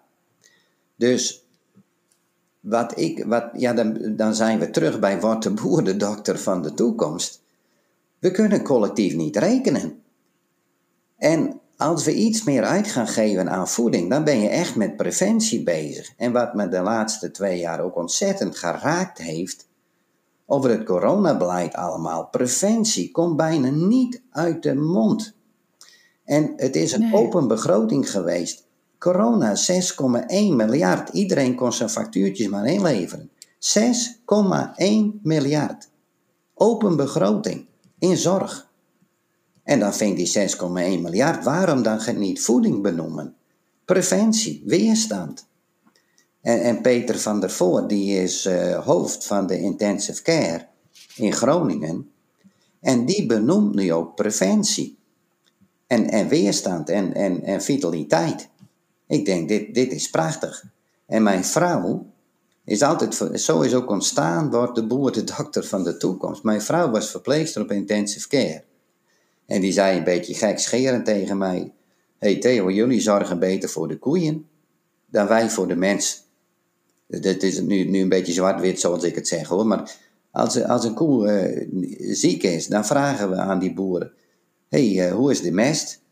Eh, heb je analyses van de kuil, van het voer wat hij krijgt? En als er dan te weinig vitamines en spoorelementen in zitten, dan gaan we die dieren dat bijvoeren. En mijn vrouw heeft zelf alvleesklierkanker gehad. En dan heb je niet een goede prognose. En dat is heel best gegaan. Eh, en toen vroegen we die arts, hoe nu verder? En daar hadden we zelf ook wel ideeën over. Maar vanuit het ziekenhuis hebben we geen enkel advies gekregen.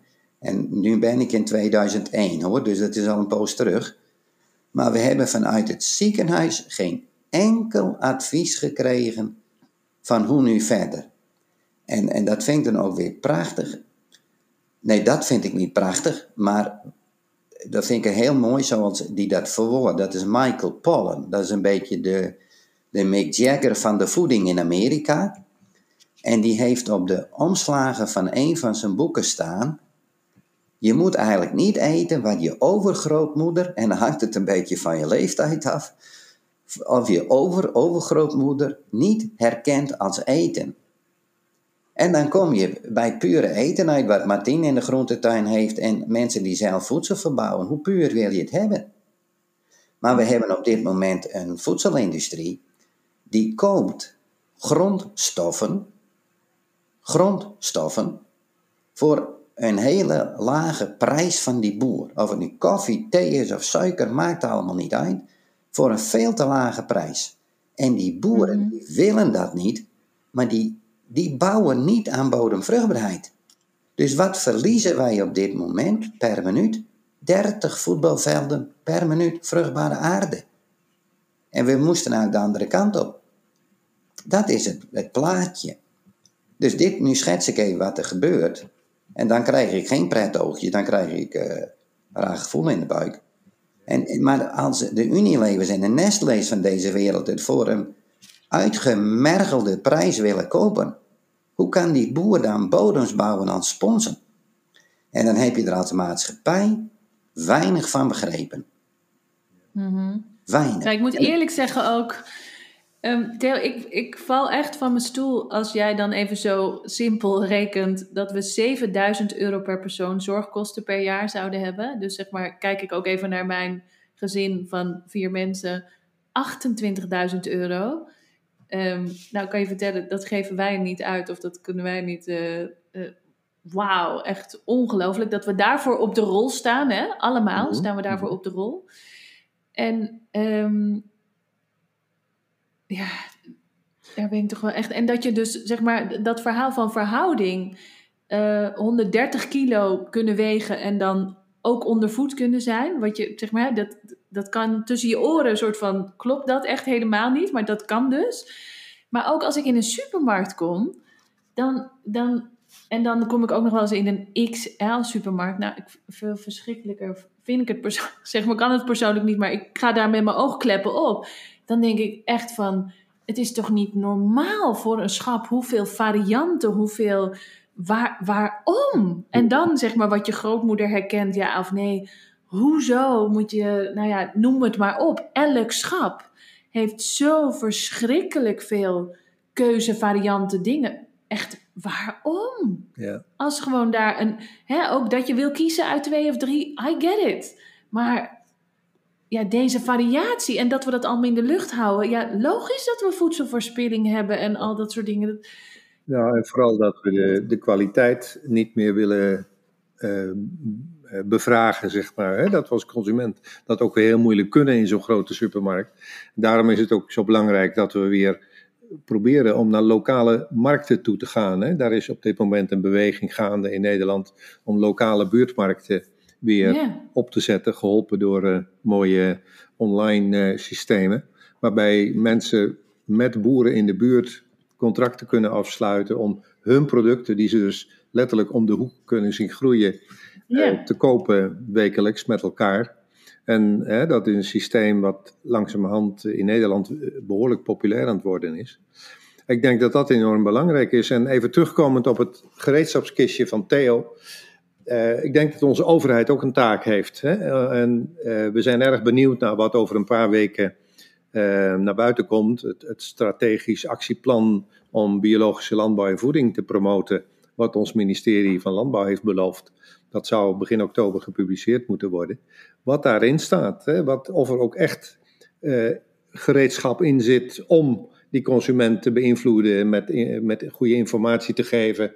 En uh, of daar fiscale instrumenten in zitten, of daar mogelijkheden zijn om die boer weer uh, te helpen naar dat nieuwe verdienmodel te groeien. Dat is allemaal erg belangrijk als gereedschap voor de toekomst om naar dat nieuwe systeem te komen. Dus ik ben heel erg benieuwd wat daarin staat. En, en uh, daar moeten we ook onze overheid kritisch op bevragen. Uh, als dat niet ja. voldoende is, zeg maar. Hè, dat is enorm belangrijk, hoe we dat uh, met z'n allen gaan aanpakken. Nou, en daarin had ik ook een gesprek met een beleidsmaker uit Amsterdam. En Amsterdam heeft sinds kort een wethouder waar ook voedsel onder valt. En um, zeg maar, voedsel had nooit een, uh, was nooit een portefeuille iets of zo, maar, maar nu wel. Dat begint nu langzaam te komen. En toen zei ik van, uh, toen zei ik nou, ik heb recent gehoord, uh, zelf um, gebruik ik dan geen zuivel van de koe, maar eet ik nog wel eens geitenkaas. Maar ik was me dus ook niet bewust dat um, de horenen van geiten, zeg maar bij, bij geboorte eigenlijk, dat de horen eraf worden gebrand. Ge, nou ja, in ieder geval dat de hoornen niet kunnen groeien, want dat heeft dan weer te maken met. En als je dan dus, eh, dan, dan leer ik zoiets en denk ik, oh goed, zeg maar verminking van dieren die wij doen om te produceren. En toen had ik met hem een gesprek erover. Toen zei ik, zou het niet als, zeg maar als Amsterdam of gewoon als plek, als, als um, beleidsmaker van voedsel, dat in jouw regio de standaard is dat er geen dieren verminkt worden. Gewoon in jouw regio niet. En als je zegt van hè, wat voor plannen komen daaruit en informatie, dan denk ik ja, als beleidsmaker kan je ook gewoon echt paal en perk stellen. Of zeggen van zo doen wij dit hier. Dus dit is ons soort van nieuwe normaal. Of, ehm, eh, en dat ga je merken.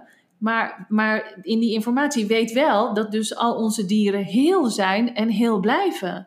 En dat we dus zorgen dat dat kan. Want waarom halen we het weg? Omdat we anders niet zoveel dieren in één plek kunnen zetten. Want dan verminken ze mhm. elkaar of verwonden ze elkaar. Maar is die plek dan niet te klein? Zeg maar, hè, dat je weer terug gaat kijken van, klopt die plek dan wel?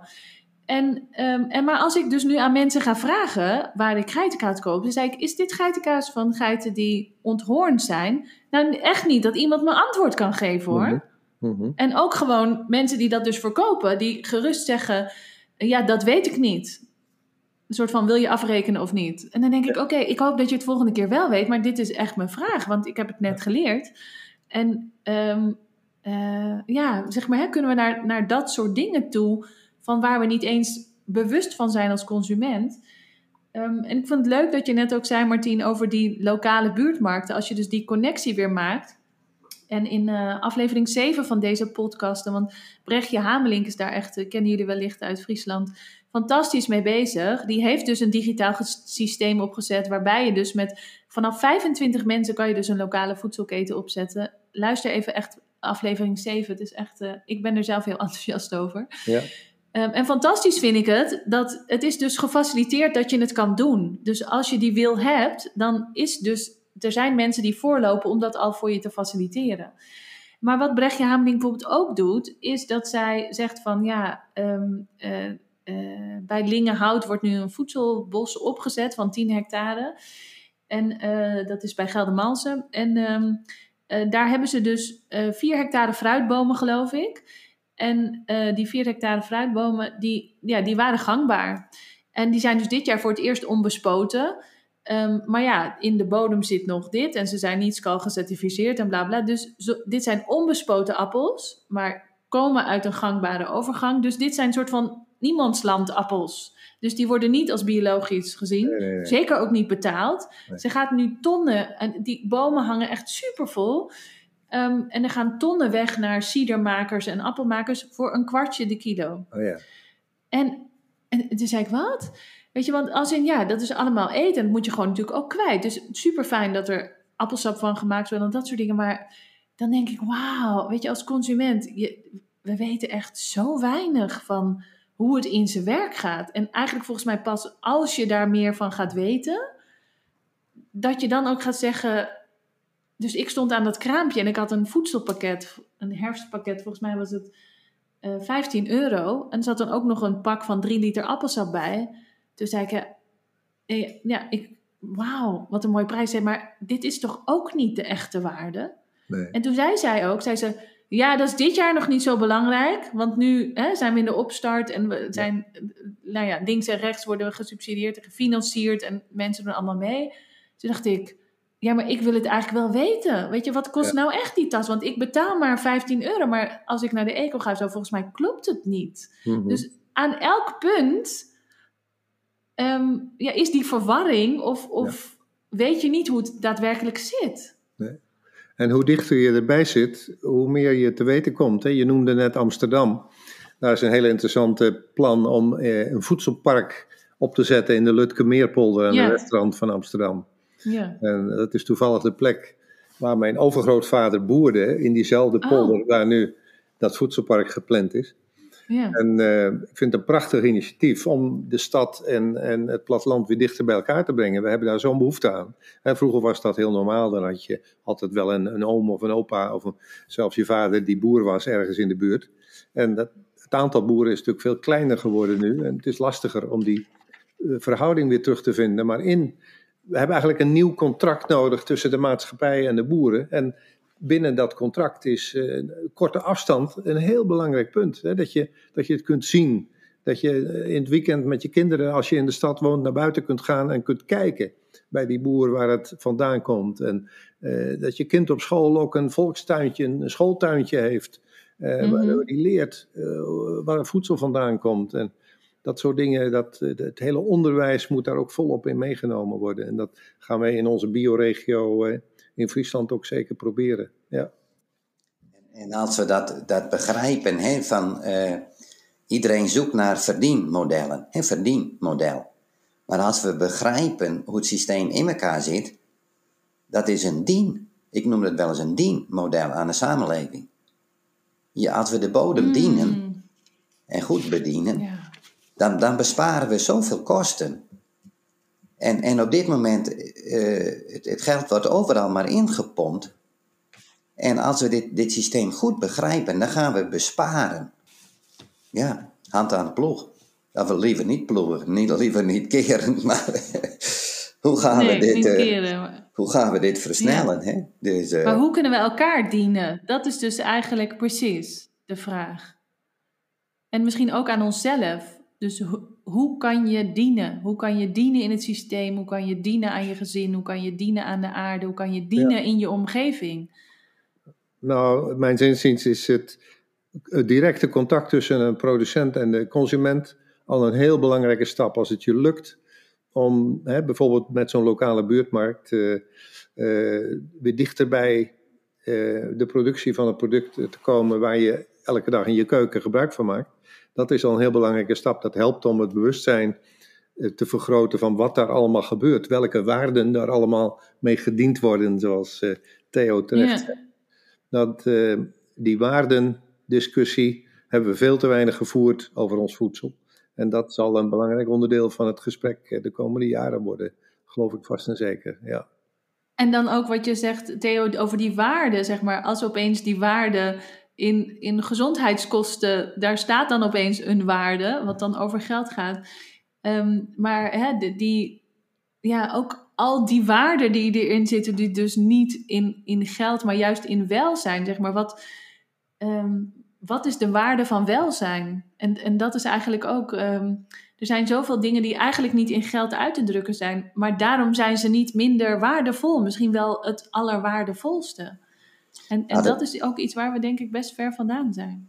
Ik vind het wel heel mooi dat je nu waardevol, want als we de, de weder voor wegleggen, we laten hebben aardevol. Hè? Dan ben je weer bij de aarde, waardevol.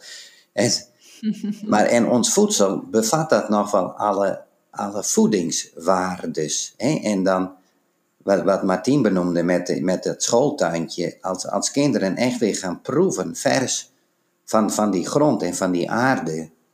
En dan kan het eten misschien wel iets duurder zijn, maar je, als je dat proeft, hoe, hoe puur dat is, dan laat je de volgende keer ook iets minder snel uh, die, die, die chips en dat soort spullen allemaal in je, in, je, in je karretje. Ik heb een keer gesproken met een vrouw, vond ik wel prachtig. Die, die, toen zaten we in een overlegprogramma. En die aten alles biologisch. En toen zei iemand anders, ja dat is wel duur. Nee, zei die vrouw, wij eten, wij eten al, alleen maar puur. En, en wij, wij eten goedkoper. En dat, ze hadden veel minder behoefte om, om al die leeflaafjes en ditjes en datjes uh, te kopen, zeg maar. Ja. Maar dat, ze echt gevoed waren. Ja, en dat, uh, en, en zo komen wij ook weet, op die menselijke voeding. Uh, dat is het tabel van Sibagaigi. Als je ziet de afname aan vitamine en spoorelementen, dat, dat, dat is gewoon een curve naar beneden. En ze zeggen ook wel eens tegen ons: is dit wetenschappelijk bewezen? En, nou, ik zeg ja, dat zijn de mensen in de blue zones. Uh, die, daar is minder stress ook, maar die mensen eten puur. En wat opvalt is, zij eten niet uit de supermarkt. Ze hebben eigen groentetuinen, eigen voedsel. Eh, eh, ze eten niet uit de supermarkt. En ik zeg ook wel eens in Wat zijn mensen uit de blue zone? Blue zones, de blue zones, dat zijn de gebieden op de wereld waar eh, mensen heel oud worden en relatief oh. gezond oud worden. En daar wordt steeds meer onderzoek naar gedaan hoe dat komt. Hoe ze dat doen. Ja. ja. ja. ja. Er is bijvoorbeeld een dorpje in okay. Italië, Icaroli. En de, uh, de, mensen hebben allemaal zelf groentetuintjes. Uh, ook minder stress hoor. S'avonds vijf, vijf uur zijn ze klaar en uh, drinken ze een wijntje misschien. dus, en dat zijn de hunzers. Oh ja, een groentetuin is toch ook onstress? In de zin van voor je planten zorgen, met je eten bezig zijn. Dat is toch ook goed voor je, voor je gestel? je zit met de, met de, met de handen weer in de, in de aarde. Hè? Die, die, dus je, het is, het is wetenschappelijk bewezen, alleen je moet uh, even breder, breder kijken. En, en uh, daar zijn mannen van 70 die klimmen in een boom, bij wijze van spreken. Die zijn ook nog heel fit en vitaal. Hè? Dus uh, mm -hmm. het, het, is wetenschappelijk ook bewezen, maar je moet even breder, breder kijken. Ja. Is er nog iets, uh, want we gaan naar een, uh, een, afronding, dat als je naar de, de gouden driehoek van bodem, mest en gezondheid um, kijkt, um, wat, wat is er wat, wat, wat op jouw agenda staat de aankomende tijd, of waar ben jij nu mee bezig, wat, uh, wat hier um, ja, wat hier aan bijdraagt? Of, of wat neem je mee uit dit gesprek over bodemmest en gezondheid? Dat je denkt, ah ja, ik ga toch nog een beetje meer die kant op. Martien, kan je daar iets over delen? Ja, um, ik vind het prachtig zoals Theo um, het mest- en humane mestverhaal ook uh, iedere keer in de discussie brengt. Dus dat, uh, dat uh, stimuleert mij ook om het plan wat we hebben in de bioregio, daar ook meer aandacht aan te besteden. We hebben hier een prachtige boer in de buurt, Pieter van der Valk, die Workum al heel erg hiermee met het onderwerp bezig is. Dus wellicht dat we dat ook kunnen aanhaken. In een bioregio uh, gaan we proberen om het gezondheidsargument uh, steviger naar voren te brengen en dat te gebruiken bij, naast alle andere argumenten om naar een puurdere en biologische onbewerkt voedselpatroon toe te gaan. En daar ja, dat is nog een nieuw soort discussie die we hier gaan hebben. En we hopen ja. dat, dat uh, al die elementen daar, uh, daaraan bij kunnen dragen, omdat, om die transitie, om al een soort proeftuintje te worden, zeg maar, voor uh, mm -hmm. een stukje om die transitie te versnellen. Dus ik hoop dat we dat ook mee kunnen nemen. Lijkt me heel mooi. mooi. Ja, ik ga een linkje ook zetten uh, als dat al te vinden is voor jullie uh, bioregio en dat mensen dat ook uh, kunnen volgen en misschien ter zijn de tijd. er komt straks specifiek... een website over, ja, die is er nu nog. Moet eerst nog opgezet worden. We hebben net, ah, okay. we hebben net ja, het groene nou, licht die... gekregen van de provincie. Het, het oh, te gek. Wat mooi. Ja, we vieren het groene licht voor ja. gezondheid. En Martien, sorry, Theo, wat... ja, uh, we hebben de actie gehad met uh, Give a Shit. En uh, daar hebben we veel respons op gekregen, ook van organisaties. En we hebben nu een vervolg bedacht. Want dit denken waar we net met z'n drieën over gesproken hebben, dat heeft, soms heb je even een kruiwagen nodig, hè? even een zetje, een hulp. Dus de aarde, dit mm. denken over de aarde en bodem, dat heeft een zetje nodig. En nu hebben we bedacht, ja. De boeren zijn met trekkers naar Den Haag gegaan, maar wij willen 12 oktober met kruiwagens naar Den Haag. En dan organiseren we de kruiwagenmars en iedereen kan daaraan meedoen. En dan gaan we een uh, drie kilometer door het centrum van Den Haag lopen. En we hebben dan ook een manifest hè, over uh, de, het is de levende bodem. Leven de bodem, leven. En de N erachter levende bodem. Dus wat willen jullie ja. bereiken? De boer, de burger en de bodem. En eigenlijk uh, ook de buik. Ja, jongens, dat we dat, als we dat in de kracht zetten, dat is win-win. Dat is win-win. Als we dat echt gaan begrijpen, dat, dan, en dat, uh, dan gaan we vooruit. We kunnen ook niet terug, willen we ook niet. Dus uh, we willen vooruit met de kruiwagenmars. Ja, dat vond ik mooi dat je dat ook zei van uh, een mars. Een mars kan alleen maar vooruit. Dus de enige weg is vooruit. Is vooruit. En dat, uh, dat vind ik, ja, dat vind ik echt heel mooi. En ik vind ook de metafoor zeg maar, van de kruiwagen, uh, wat je er allemaal in mee kan nemen, maar ook elkaars kruiwagen zijn. En dat is ook wel echt waarom deze podcast ontstaan is uh, elkaars kruiwagen zijn uh, om aan te moedigen, om ook uh, te inspireren en ja, om echt te gaan doen. Want alles helpt en telt. En um, ook als, als wij dat weer doen, dan dragen we dat weer uit in onze omgeving. En dat zei ook de vriend van um, Julia zo mooi, van toen zij bezig waren met dus zuiverder eten en dat zelf aan het verbouwen waren, toen zeiden mensen, kan je dat voor mij ook doen? Dus op die manier elkaars kruiwagen zijn, dan is de enige weg vooruit. En uh, ja, volgens mij is dat uh, waar we allemaal die pretlichtjes in de ogen van krijgen. De weg vooruit. Heel mooi. Dankjewel voor het luisteren naar deze aflevering van de podcast over lokale voedselketens. We hopen dat deze aflevering interessant voor je was. Als je abonneert op deze podcast, dan ontvang je bij elke nieuw gepubliceerde aflevering automatisch een berichtje. Klik in je podcast-app op de button subscribe of abonneren en dan is het geregeld. Vind jij gezond voedsel beschikbaar maken voor iedereen nou ook enorm belangrijk? Dan kan je ons daarmee helpen op twee manieren. Je kan deze podcastaflevering doorsturen naar iemand die je kent die dit ook interessant vindt. Of je kan bijvoorbeeld een review achterlaten. Laat 5 sterren achter als je wilt of een geschreven review. En op die manier kan deze podcast nog meer boeren, burgers en tuinders bereiken. En zo organiseren we samen dus in no time overal lokale voedselketens. Dankjewel voor je bijdrage daaraan. Heeft deze aflevering je nou een inzicht gegeven of is er iets in beweging gebracht? Maar misschien wil je wel iets delen of heb je een vraag voor ons? Dan vinden we het heel leuk om van je te horen. Je kan een e-mail sturen naar info.degroenegriffioen.nl of info.versaandevecht.nl Een berichtje achterlaten via Instagram, dat kan ook. Het account is @degroenegriffioen of @versaandevecht. Nogmaals, dankjewel voor het luisteren en heel graag tot een volgende aflevering.